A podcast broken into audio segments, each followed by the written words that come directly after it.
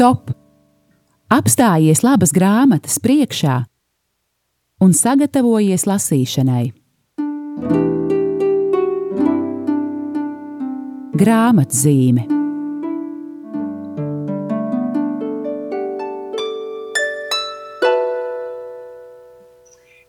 Esiet sveicināti, mīļie klausītāji! Ir trešdiena, pulkstenis viens un laiks raidījumam grāmatzīme. Raidījumam, eh, kurā ik pa divām nedēļām mēs ar jums eh, sadzirdamies, lai runātu par kādu labu grāmatu. Un man ir liels prieks, ja kādu no jums, klausītāji, man izdodas pārvilināt lasītāju pusē, un jūs kļūstat arī par grāmatu lasītājiem. Mans vārds ir Aija Balode, man šodien palīdz Olga Velika no eh, Radio Marijas Latvijas studijas. Un es ļoti ceru, ka pēc kāda brīža mums pievienosies vēl viena sarunas dalībniece, Maiga Veilande, grāmatas izdevēja.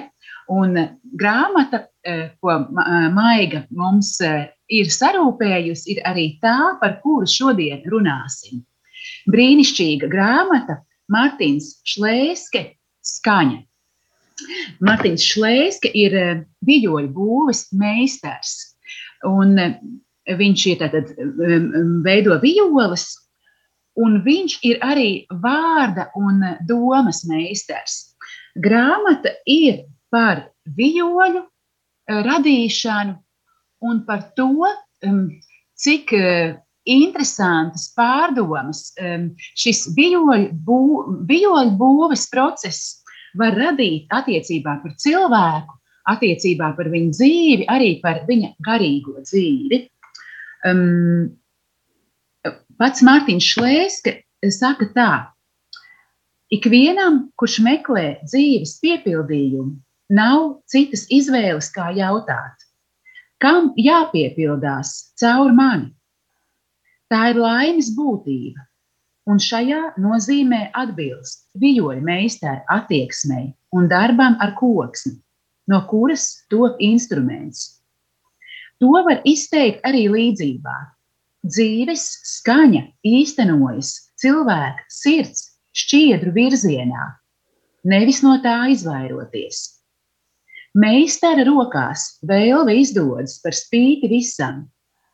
Būt laimīgam nozīmē ka dieva gudrība spēj mūsos radīt ko labu, un veidolu iegūst debesu gudrības patiesībai līdzīgais. Mēs vairs nenoliedzam skaņas likumus, bet tos piepildām. Tur, kur tas īstenojas par spīti šķiedru mezgliem un nepilnībām, tur darbojas īsts meistars. Um, par šo īsto meistaru um, um, par šo īsto meistaru ar lielo burtu, kas ir Dievs, mūsu radītājs, Mārtiņš Šlēski runā savā uh, grāmatā. Un caur šīm viņa domām viņš pats mums arī atklājas kā īsts meistars, kā cilvēks uh, īstajā vietā, kā cilvēks, kurš ir uh, atradis gan savu profesionālo aicinājumu un to spoži pilda, un arī cilvēks, kurš uh, drosmīgi atsaucas um, um, dieva aicinājumam augt arī savā uh, garīgajā dzīvē, augt savā uh, garīgajās atziņās, un ar šīm garīgajām atziņām arī ļoti skaisti, drosmīgi, um, uzrunājoši uh, dalās ar citiem, dalās ar mums. Tā ka tiešām uh, nu, uh, milzīgs prieks, ka šī grāmata ir latviešu valodā uh, iznākusi, ka to mums tagad visiem ir iespēja lasīt un patiešām jā, nu, ļoti interesantās domās, ļoti interesantā mūzikas sadzirdēšanas pasaulē šī grāmata mūs ieved. Es ceru, ka um, noklausīsimies mazu mūzikas brīdi, tagad arī mēs, un kāpēc uh, tam mums pievienosies Maiga Veilanda, kurai mums ir jāsaka paldies par šīs grāmatas izdošanu latviešu valodā. Uz tikšanos pēc maza brīža!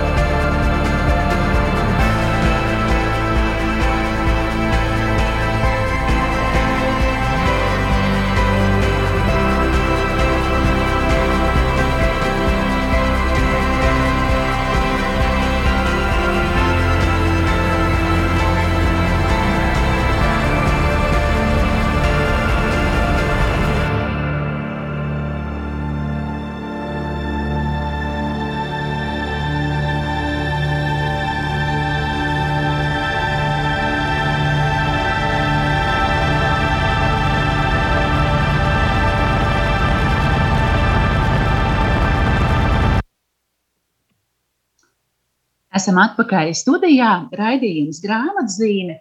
Un eh, šodien ar ļoti lielu prieku es eh, jūs mēģinu iepazīstināt ar Martīnas Šleiskas grāmatu Skaņa. Es ļoti ceru, ka pēc brīža mums eh, pievienosies arī Maiga Veilanda, kas ir šīs grāmatas izdevēja. Bet kamēr mēs Maigu gaidām, kamēr tiek risināti kādi tehniski sarežģījumi, kāpēc Maiga mums nav vēl pievienojusies, Ļaujiet man atvērt šo grāmatu un mazliet jums palasīt, lai arī jūs gūtu mm, iespēju par to, eh, cik brīnišķīgi Mārtiņš Šlēske raksta. Jā, um, autors daudz raksta par savu darbu, par to, kā top um, sarežģītais uh, vijoles instruments. Um, un vienlaikus uh, viņš daudz raksta arī personiski pats par sevi, par savu garīgo dzīvi. Um, Un e, tostarp grāmatas lapusēs viņš arī mm, dalās tajā aicinājumā, kā viņš ir saņēmis e, e, pamudinājumu, ar ko tad īsti viņam ir jānodarbojas. Un ļaujiet man to jums arī nolasīt. Mm. Tajā svētdienas rītā, 95. gada 4. jūnijā, mēs devāmies uz baznīcu, kuru Mihails tas ir viņa brālis, regulāri apmeklēja.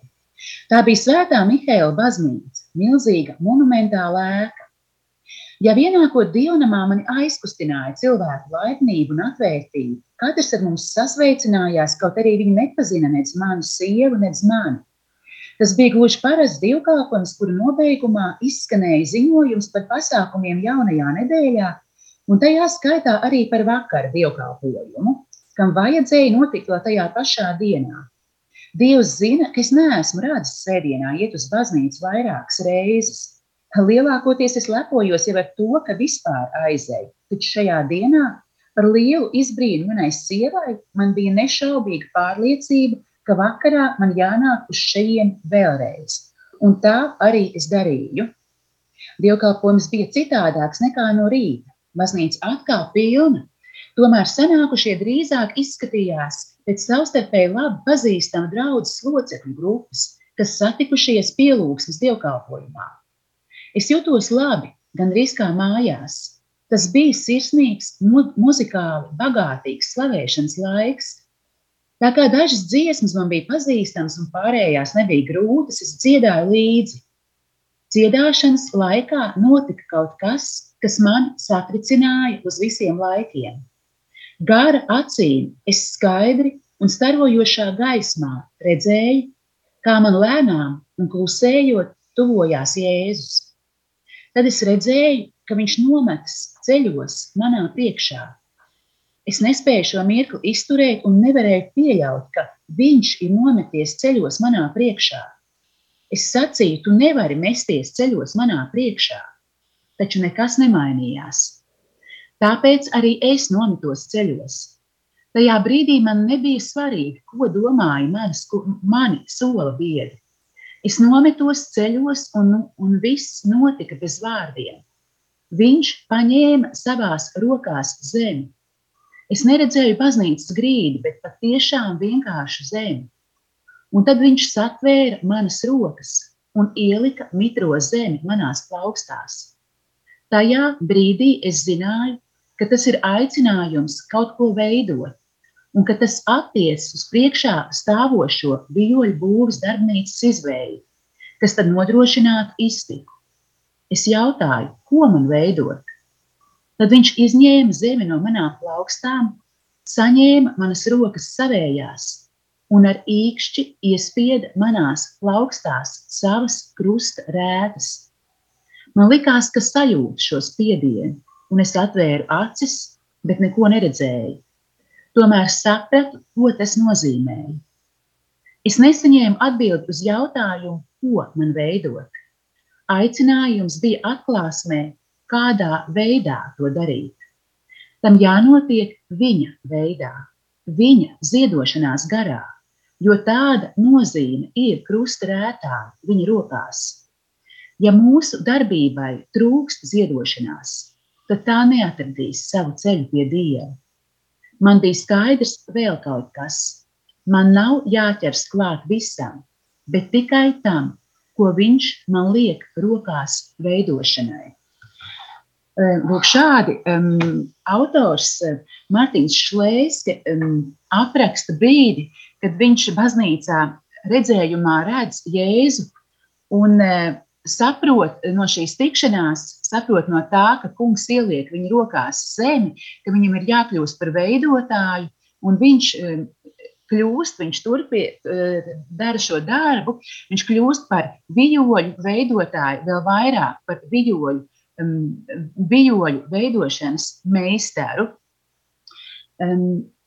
Lūk, un tātad te mēs dzirdējām tādu konkrētu um, gadījumu, konkrētu pieredzi no autora dzīves, bet uh, vienlaikus um, grāmata ir um, piepildīta ar ļoti interesantām um, filozofiskām atziņām, uh, interesantām pārdomām. Um, Un mm, ir tā, ka ir rindkopas, pie kurām gribas uh, apstāties, kuras gribas izlasīt vēlreiz. Ir pat kādi teikumi, kas šķiet tik dziļi, ka gandrīz tos gribas uh, izrakstīt uz, uh, uz lapas, lai tie ne, neaizmirstos. Un ļaujiet man vēl palasīt no grāmatas dažas rindkopas, kas varbūt pat ir mazliet sāpīgas. Katrā ziņā mani tās ļoti uzrunāja, aizkustināja. Es ceru, ka aizkustinās arī jūs, klausītāji. Un šeit um, um, autors runā par, par sarežģījumiem, par krīzēm. Un viņš raksta, būtu ciniski sasaistīt vārdu krīzi ar vārdiem briedums vai nobriešanas process it kā tas būtu tik pašsaprotami. Un tomēr kādai no krīzēm mēs atņemsim tās nospiedošo varu, ja caur to jaunā un citādā veidā aptversim savu aicinājumu. Kādreiz tas līdzinās viļogas sāpīgajai pārstrādei, secinot, ka tās vāki vēlreiz jātaisa vaļā. Ik pa laikam patiešām gadās, ka man jāuzdrošinās vēlreiz ķerties klāt kādam instrumentam. Arī krīzes brīžiem piemīt kaut kas no šādas sāpīgas atvēršanas. Acis tad ir plaši ieplestas, un mēs esam viegli ievainojami.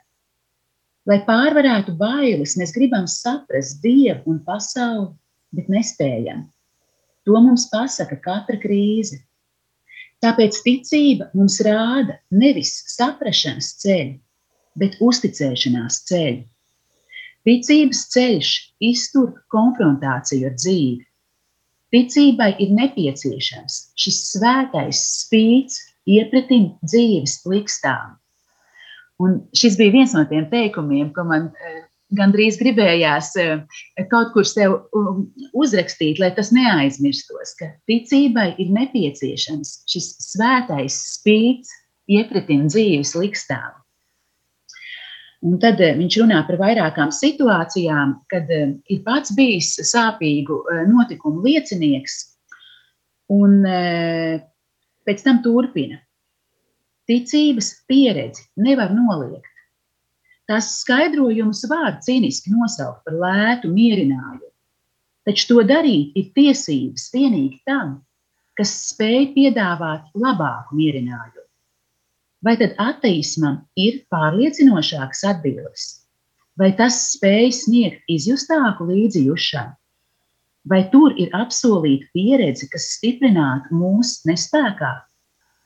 Kāda ir un kur ir redzama ateisma žēlastība? Ja apustulis Pāvils dziļā personīgā krīzē saklausīja vārdus, tev pietiek ar manu žēlastību, jo mans spēks top pilnīgs nespējā. Un tādēļ es vislabprātāk lielīšos ar savu vājumu, lai Kristus spēks manī varētu iemājot. Tad kur slēpjas ateismu varenība? Tas nekādā ziņā nav pārāks, tas nespēja piedāvāt vairāk, bet gan tikai kaut ko mazāk. Tāpēc tam jāliedz tiesības attiecībā par ticību teikt, ka tā ir lēts mierinājums. Jo ateismam pašam nav nekāda mierinājuma. Jautājums taču ir, vai bezdievība ir inteliģentāks ceļš, lai neaptvērtu bezjēdzību.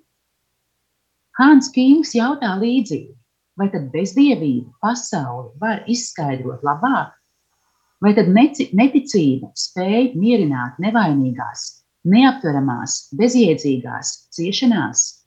It kā šādas ciešanas nenovilkt robežas arī visam mūsu neticīgajam saprātam.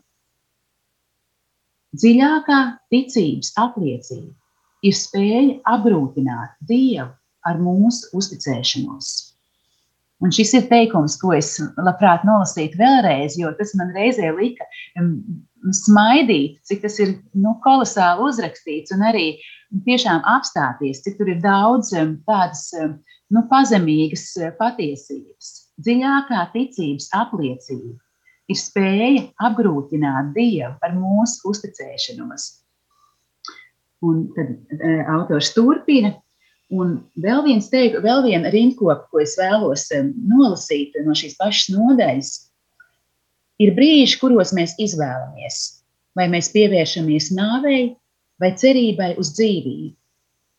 Bet bieži nemaz vairs nav spēka izvēlēties, ir vienīgi tukšums un apjukums. Trūkst pat spēka būt izmisušām. Manā priekšā ir pilnīgs tukšums.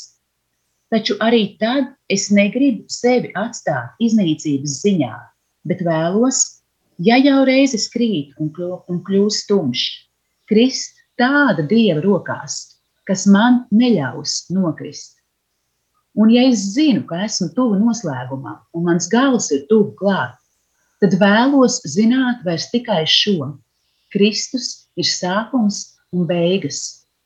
Ja viņš nosaka beigas, tad viņā būs arī sākums, tagad un mūžībā. Viņš ir spožā rīta zvaigzne. Es redzēšu jaunu debesu un jaunas zemes gaismu, un patvēršos Dieva mīlestībā, un tur man būs miers. Es redzēšu, ka būs bijis vērts neatmest cerību Kaut arī man būtu jāatsakās no sevis un no visa tā, kur esmu dzīvojis un ko no sirds mīlu, un tumsa un bailes ielaustos manā dzīvē. Arī tad es tomēr gribu uzticēties Dievam. Cik gan mazi un blāvi tad reiz izskatīsies panākumi un spožums, jā, pat laime un apmierinātība. Iepratim šai cieņai, būt cilvēkam, kurš līdz pēdējam ir cīnījies ticības cīņu un sevi ir uzticējis Dievam. Tavā priekšā cilvēks, kurš, kurš esi pārbaudīts līdz savas esības galējai robežai, es dziļi paklanos. Lūk, vai nav brīnišķīgi tas, kā um, Mārtiņš Šlēski, kas, um, kura pirmā profesija nav rakstniecība, kurš ir vijoļu meistars, vai nav skaisti, um, kā viņš raksta, vai ne? Um, lūk, um, lai ieskans vēl kāda mūzikas skaņa, un neatmetīsim tomēr cerību, ka uz raidījuma beigām mēs varētu satikties, um, uh, sadzirdēties arī ar Maigu Veilānu, šīs grāmatas izdevēju.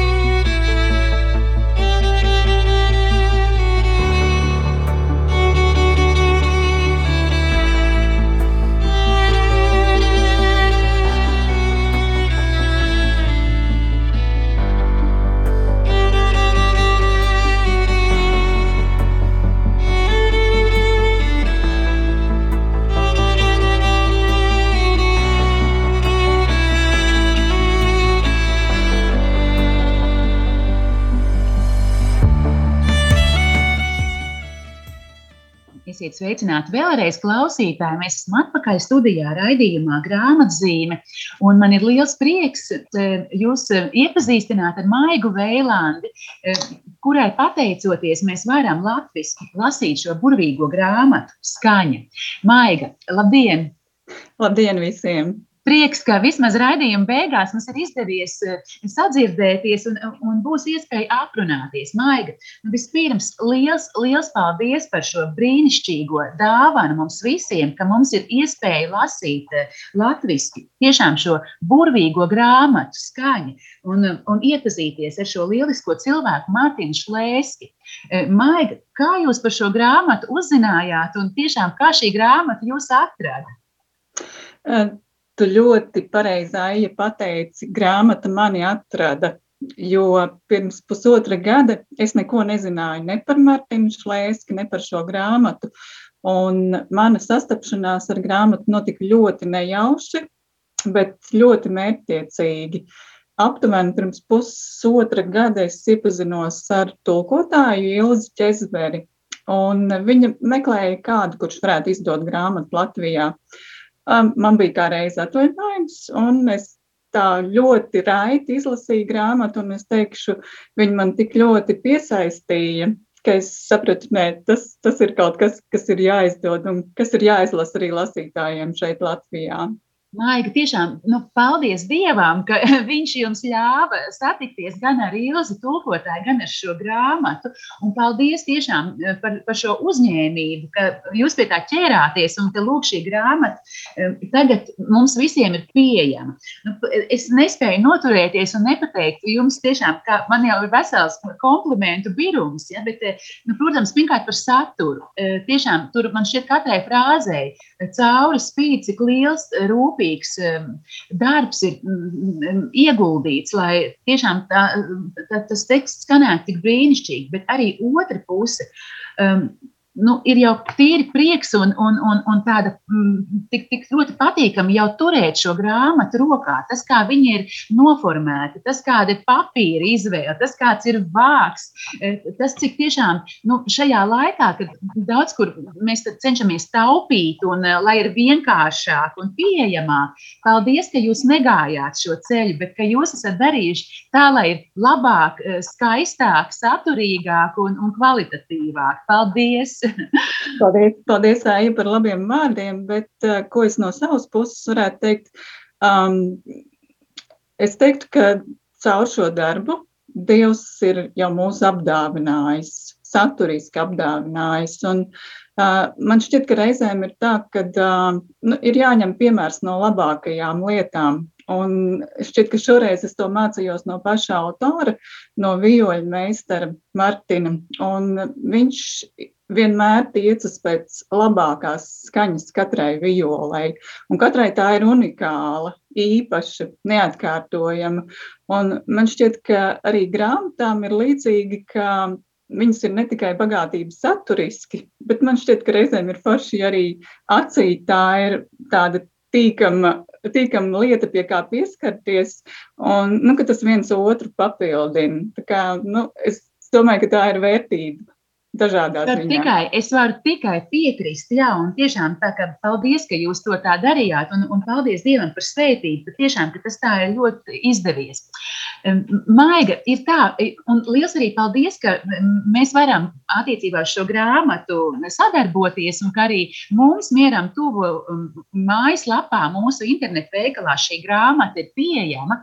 Tā ka, mīļie klausītāji, es kaut kādā ziņā jūs pat apskaužu, ka jums ir vēl priekšā priekšā. Tiem no jums, kam grāmata vēl nav, iespēja ar šo grāmatu un ar šo autoru iepazīties. Es eh, jums apsolu, jūs būsiet eh, patīkami pārsteigti. Pat ja daudz gaidīsiet no grāmatas, jūs to sagaidīsiet.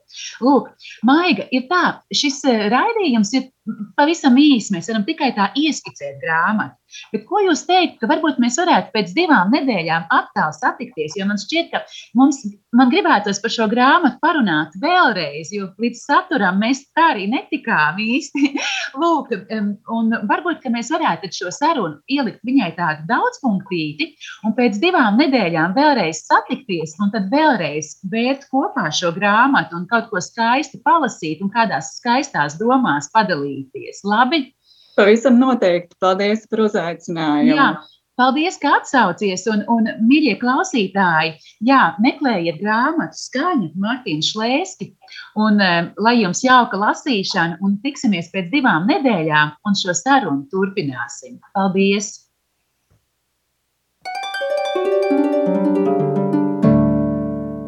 Stop!